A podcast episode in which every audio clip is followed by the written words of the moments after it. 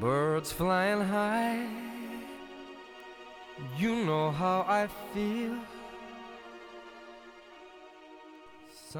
היי, שלום לכולם, ותודה שהגעתם שוב לפודקאסט רזה בראש, הפודקאסט שמיועד לכל מי שמאס בעולמות הדיאטה המקובלים, פודקאסט שמקנה ידע וכלים מנטליים והתנהגותיים כדי לצאת מהמאבק היומיומי עם האוכל לחופש מוחלט. אני נעמה פולק, מייסדת השיטה הרזה בראש, שיטה לירידה במשקל באמצעות אבחון ושינוי דפוסי החשיבה המניעים לאכילה רגשית, אכילת יתר ואכילת מלאווח ששרוף קצת קצת בקצוות עם גבינת שמנת בצד. אז מה נשמע? מה שלומכן בנות? אתן מתכוננות לפורים? דעו לכם שאני פשוט לא מאמינה לפעמים איך הזמן עף. כי פורים זה איזה מין חג כזה, לפחות ככה זה אצלי, שבגלל שיש מרווח די גדול מחנוכה, זה תמיד נראה לי שיש עוד מלא זמן עד שיגיע פורים. כל פעם זה כזה עד פורים אלוהים גדול. ופתאום אני מגלה שפברואר זה חודש קצר ופורים זה עוד שבוע. העיקר לפני כמה ימים הייתי בסופר ושמו שם בכניסה את כל המגשים של המשלוחי מנות ואני נכנסת וחושבת כזה לעצמי, גם כן אלה הגזימו, כבר עכשיו שמים את זה. באמת, מעניין למה. כי פורים זה עוד שנייה חמודה, תתעוררי. אז אני מקווה שלא כמוני, אתן כבר uh, מוכנות יותר לפורים, תחפושות, משלוחי מנות, כל מה שצריך. ואם כבר במשלוחי מנות עסקינן, אז לקראת פורים וכל החגיגת חטיפים שוקולדים, תחזרו בבקשה לפרק 8 בפודקאסט על איך לאמן את המוח לעמוד בפני פיתויים ותקשיבו לו עוד פעם לפני פורים. אז הנה הסתיים לו, חודש פברואר, שהיה חודש אה, מאוד מיוחד בקבוצה של רזה בראש בפייסבוק, זה היה חודש בסימן מסתכלות בעיניים, וכל מה שהיה בקבוצה, פוסטים, שידורים בלייב, כל התוכן שעלה החודש, היה כזה שמכוון אותנו ומלמד אותנו להסתכל בעיניים על הדבר שאותו אנחנו רוצות לשנות. המשקל, או המחשבות שלנו, על האוכל והמשקל, ויותר חשוב מזה, להסתכל בעיניים על הסיבות האמיתיות שבגללן השינוי הזה לא קורה. ובפרק היום אני רוצה לדבר איתכן על אחת מהסיבות האלו. ושניונת לפני שנתחיל, אני רוצה להגיד שכל התוכן של חודש מסתכלות בעיניים נמצא אך ורק בקבוצה של רזה בראש בפייסבוק. אתן מוזמנות להיכנס, לקרוא, לצפות, לחשוב, וברגע הנכון שיש לכן אומץ להסתכל לסיבות בעיניים. ואני רוצה לשאול אתכן, מה אתן חושבות, אוקיי? איזה סיבות אמיתיות יכולות להיות לזה שהשינוי שאתן כל כך רוצות לא קורה, או לא מחזיק מעמד? ולמה בכלל צריך אומץ כדי שנוכל לראות את הסיבות האלו? אם תחשבו על זה, המשמעות של אומץ זה להתגבר על פחד.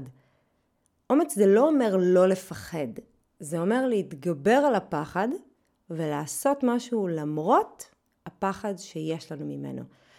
ויש הרבה מקרים בחיים שאנחנו עושות דברים שמפחידים אותנו, כמו למשל להגיע ביום הראשון לעבודה חדשה, שלא מכירים אף אחד, מפחיד. עשינו את זה? עשינו, למרות שפחדנו. איך זה קרה? כי המאמץ היה שווה את זה. זה היה כדאי. כי אם לא נגיע ביום הראשון לעבודה חדשה, לא תהיה לנו עבודה. אז היה ברור לנו שכדאי לנו, שמשתלם לנו לעשות את המאמץ הזה, לעזור את האומץ ולהתגבר על הפחד. ואני חושבת שאנשים שרוצים לעשות שינוי כלשהו בחיים שלהם ולא מצליחים לעשות, זה לא כי הם עצלנים, או לא מוכשרים, או לא יכולים. זה כי הם נתקעו בשלב הזה שבו הם נדרשו לגייס מספיק אומץ ולא הצליחו. כי זה לא היה מספיק כדאי בשביל לגייס את האומץ הזה. ולמה? כי ההגדרה של אומץ, פה אני משתמשת בהגדרה של האקדמיה ללשון עברית, זה נכונות לעשות מעשים קשים או מסוכנים. שזאת הגדרה פשוט מעולה ואין טובה ממנה כדי להסביר גם את הבעיה וגם את הפתרון ביחד. כי גם קשים וגם מסוכנים, תכף תראו ששני אלו הם רק תעתוע, דמיון, אשליה. והאשליה היא גם הבעיה שלנו כאן, והיא גם הפתרון שלנו. אז אנשים שרוצים לעשות שינוי כלשהו בחיים שלהם ולא מצליחים לעשות, זה בגלל שהאשליה של הקושי והסיכון שכרוכים בזה פשוט לא הייתה להם כדאית. ולמה זאת אשליה? כי אם אני צריכה לעשות משהו מסוכן, מה שמפריע לי זה הדמיון שלי. על איזה דברים יכולים אולי לקרות לי אם אני אעשה את זה, או כשאני אעשה את זה. הרי זה עוד לא קרה, נכון? עוד לא עשיתי את זה. זאת מחשבה קדימה, זאת מחשבה עתידית. כשאנחנו חושבות על העתיד, אנחנו מדמיינות אותו. אנחנו מדמיינות מה אולי יקרה, אם או כשאני אעשה את זה. אני אתן לכם דוגמה. אם אנחנו לוקחות קרש עץ כזה, ומעמידות אותו עשרה סנטימטרים מעל הדשא, כנראה לא תהיה לנו שום בעיה לנסות ללכת עליו מקצה אחד לקצה השני. אבל בואו ניקח את אותו קרש ונעמיד אותו עשר מטר מעל הדשא. כאן כבר מתחילה בעיה מאוד רצינית לנסות ללכת עליו מקצה אחד לקצה השני. אבל למה? זה אותו קרש, בגלל המחשבה, בגלל הדמיון של מה יקרה. עכשיו שימו לב, זה לא הדבר שמסוכן, זה לא ללכת על הקרש, אלא המחשבה על מה יקרה אם ניפול למטה. אז בעצם, אם אנחנו רוצות בכל זאת ללכת על הקרש בכזה גובה, אנחנו בעצם לא צריכות לגייס את האומץ כדי ללכת על הקרש. האומץ שאנחנו צריכות לגייס כאן הוא כדי להתגבר על האשליה. זה לא לגייס אומץ בשביל הדבר עצמו. והקרש זו דוגמה למשהו שעוד עובר לנו בראש. זאת אומרת, זה מגיע למודע ונדחה במודע. כמו עוד כאלו בסגנון של אה, לא הזמן, המצב קשה, יש לי עכשיו את העניין הזה וזה, והילדים יגדלו, ואני אסיים את השיפוץ ואת הלימודים ואת החגים ושאר שקרים, ואז אני אדחה את זה שוב בתירוץ אחר. כל אלו דברים שנדחים במודע. דברים שבמודע החלטנו שהם לא כדאים לנו. אבל יש מקרים שבהם המחשבה הזאת, האשליה הזאת, אפילו לא הגיעה למודע, אלא זה כבר הוחלט ברוב שופטים ונדחה על הסף בתת מודע. המחשבה על מה יהיה, האשליה הזאת הפחידה אותנו עד כדי כך שהתת מודע לא נתן לנו סיכוי בכלל להתמודד איתה. Okay? אוקיי? ממש כמו הדחקה. אז אם חשבנו שפחדים מודעים הם אלו שחוסמים אותנו, אז לא. פחדים מודעים נועדו כדי לבלבל אותנו, כדי להסיט אותנו, להסיח את דעתנו מהדבר האמיתי, שהוא הפחדים הלא מודעים שלנו. מה יכול כל כך להפחיד את תת המודע שלנו? מה הפחדים האלו שכדי לעבור אותם צריך כל כך הרבה אומץ? מה האשליה שאולי יכולה לקרות, שכל כך מפחידה את תת המודע שלנו? וכאן ההגדרה של אומץ מהאקדמיה ללשון עברית מאוד עוזרת לנו. בואו נזכיר אותה רגע שוב. אומץ זה נכונות לעשות מעשים קשים או מסוכנים. אז יש לנו כאן שני דברים. אשליית הקושי, או כפי שאני קוראת לה, אשליית הסבל, ואשליית הסיכון. מה זאת אשליית הסבל? אם השינוי שאנחנו רוצות לעשות הוא משמעותי, אז יש לנו תפיסה כזאת ששינוי גדול צריך לבוא עם סבל. כי לעשות דברים קלים נתפס אצלנו כדבר לא אמין. ואם יש ידיעה בתת המודע שלנו ששינוי שאנחנו רוצות לעשות כרוך בסבל מאוד גדול, הסיכוי שנצא ממנו לפעולה עקבית הוא שואף לאפס. ובמיוחד שבפודקאסט הזה אנחנו מדברות על שינוי במשקל ושינוי של צורת האכילה שלנו או צורת המחשבה שלנו על האכילה שלנו, כל מי שמקשיבה כאן כבר עברה כמה וכמה ניסיונות בחייה, חלקם נכשלו, חלקם הצליחו חלקית ואז התפוגגו, אז ברור לכל מי שמקשיבה כאן, שכדי להגיע למקום שבו היא רוצה להיות, יש עבודה ש, שצריך לעשות. ואז מגיע תת מודע, שכאמור הוא מחזיק בין היתר את הפחדים והחששות הלא מודעים שלנו, הוא אומר רגע רגע רגע, מה זה עכשיו לעבוד כל כך קשה? בשביל מה? הוא לא אומר את זה מתוך עצלנות. לא, ממש לא. גם אם נראה לך שזה מגיע מתוך עצלנות, תכף תביני שזאת אשליה שהוא עושה לך כדי לא לגעת בדבר האמיתי. הרי בינינו, אני בטוחה שגם את יודעת שאין לך שום בעיה לעבוד קשה, אם את יודעת מתי זה ייגמר, או אם את יודעת בוודאות שזה יצליח, אם את יודעת שזה ישתלם לך בסוף. אבל כאן אין לנו. מה לעשות? לא את זה ולא את זה. את יכולה להחזיק שנים במשקל שרצית ולעלות בחזרה, את יכולה לעבור ניתוח כואב מאוד, בריאטרי או אסתטי, ובסוף לחזור אחורה, וזה לא משתלם. אז ממה המוח מפחד? מעבודה קשה? מסבל? לא. זה לא הדבר שהוא מפחד ממנו. אם תחשבו על זה, הפחד הסמוי הכי עמוק שיש לנו זה הפחד להיות מושפל.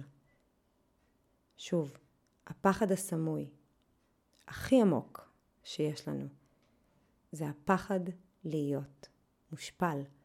הפחד לא להצליח, לאכזב את עצמי, את האחרים, להיחשף בחולשות שלנו, בתסמונת המתחזה, ומה יחשבו עלינו. ומה כל כך נוראי בלהיות מושפל. כאן נכנסת אשליית הסיכון. היא להיות מושפל זה מסוכן לנו. התחושה של השפלה זאת המשמעות של סיכון עבור תת המודע שלנו. הרי תת המודע שלנו מופעל אך ורק מתחושות. ואיזו הרגשה, איזו תחושה יש בהשפלה. בא לי למות, לקבור את עצמי, להיעלם, לא להיות, הרגשה של ייאוש, של חוסר אונים, התחושות הכי גרועות שיש. מה עוד יכול לגרום לנו לתחושות כאלו? שדברים מסוכנים קורים, שקורה אסון, בדיוק אותן תחושות. בא לי למות, לקבור את עצמי, להיעלם, לא להיות, ייאוש, חוסר אונים. אז מה קורה כאן? יש פה עבודה די מתוחכמת, שימו לב. יש לנו פחד ממשהו שהוא בכלל אשליה. משהו שהוא רק דמיון, פחד ממשהו שאולי יקרה ולא משתלם לנו, לא כדאי לנו. והדבר הזה הגיוני וגורם לנו להאמין שזה העניין. הנה, החשש שלנו. אנחנו רוצות לרדת במשקל, אה, זה קשה ומתאמצות ולא מצליחות, זה, זה, הנה, טוב, בסדר, לא יכולה, קשה לי מדי. ואם אנחנו מרגישות שיש היגיון בדבר הזה, זהו, אין מה להמשיך משם, סידר לנו את הראש. אבל בתכלס, הפחד הזה כאן כדי להסיט אותנו מהדבר האמיתי. הוא כאן כדי שנישאר ברובד הזה ההגיוני, המודע, ולא נגיע לעומק. כי מתחת לזה יש את הפחד האמיתי, הסמוי, הלא מודע. הפחד להיות מושפל. שזה פחד ברמת הסיכון הגבוהה ביותר. כי באותו רגע של השפלה קורה משהו שהוא לכאורה מסוכן לחיים שלנו. התחושה שלנו, של ה... בא לי לקבור את עצמי, להיעלם, התחושה שאני אבודה וחסרת אונים, תת מודע שלנו מתרגם את התחושות האלו כסכנה ממשית לחיים שלנו.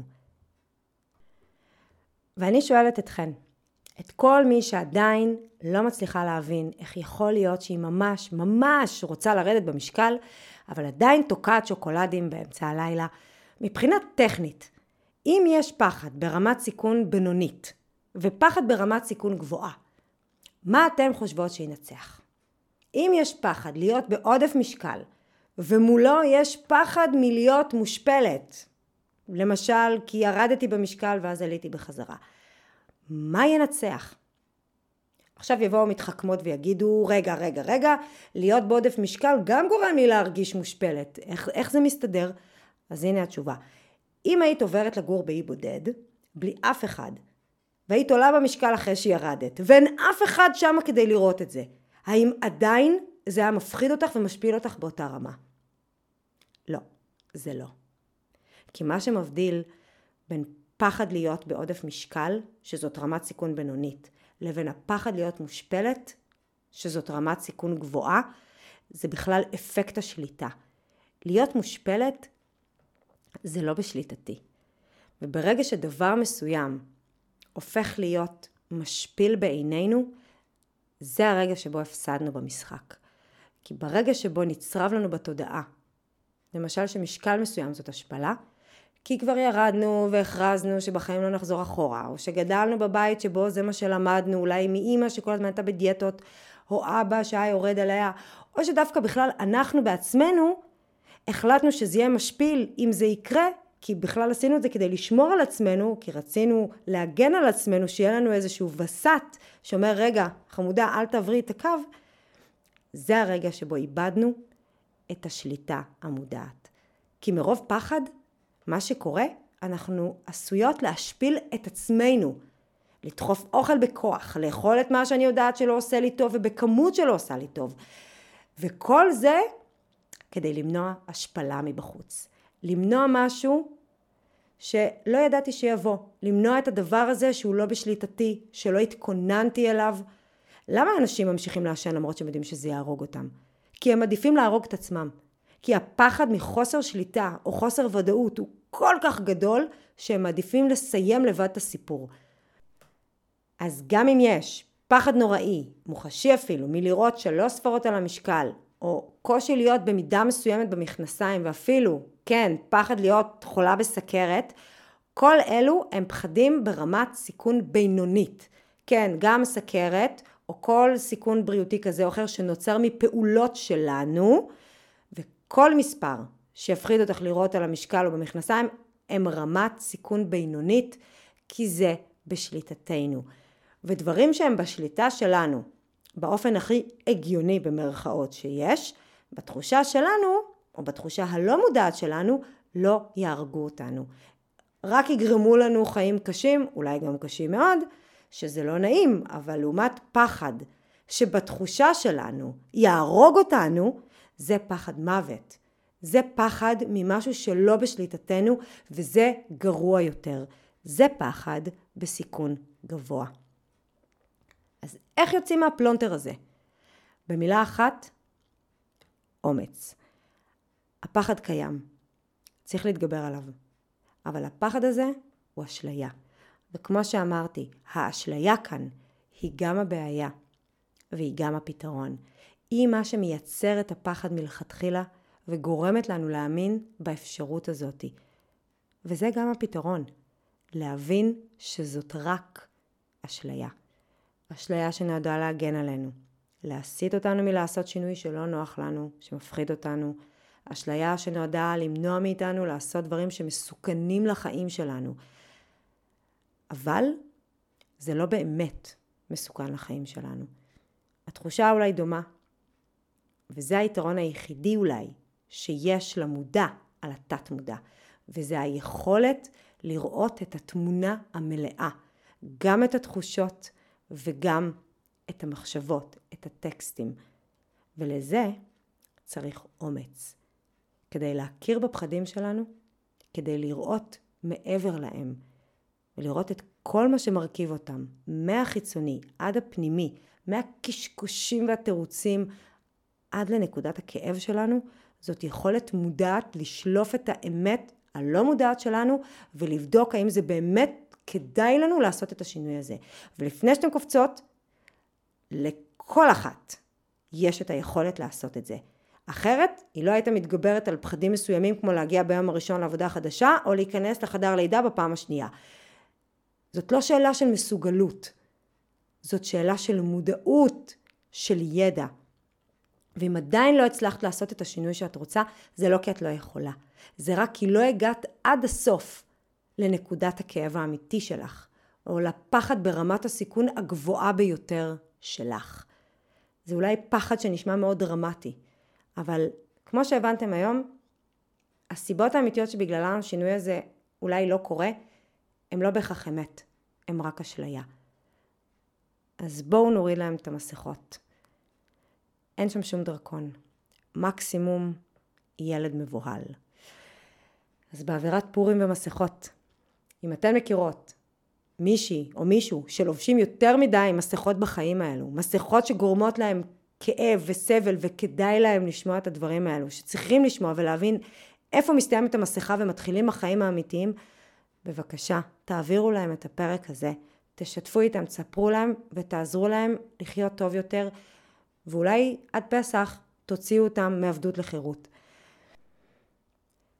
אני מקווה שנעמתי לכן ונהניתם להקשיב גם לפרק הזה, שבו דאגתי לסדר לכן הצצה מיוחדת, שוב, לעולם האמיתי שנמצא אצלכן בתודעה.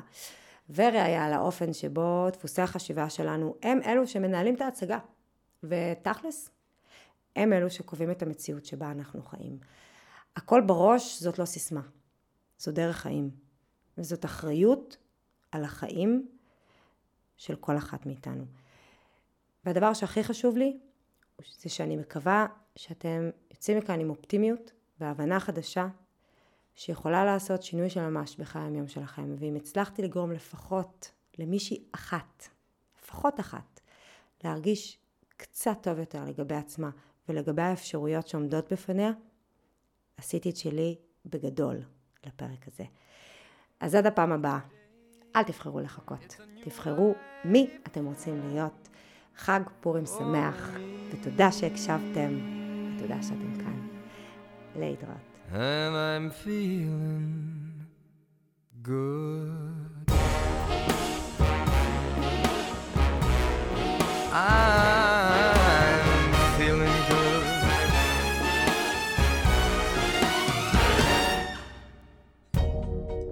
Fish in the sea, you know how I feel. River running free, you know how I feel blossom on a tree. You know how I feel. It's a new dawn, it's a new day, it's a new life for me. And I'm feeling good.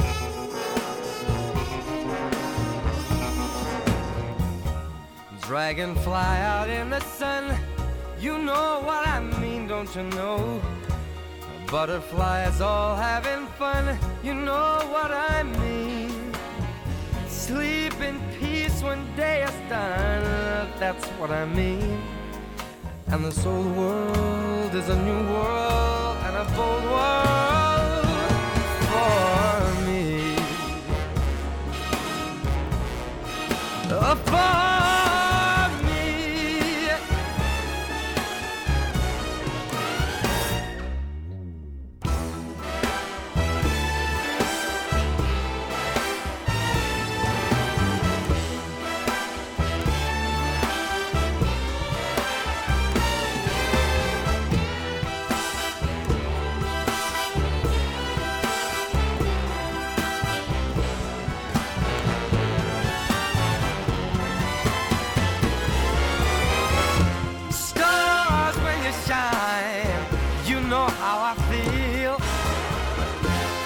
Scent of the pine, you know how I feel.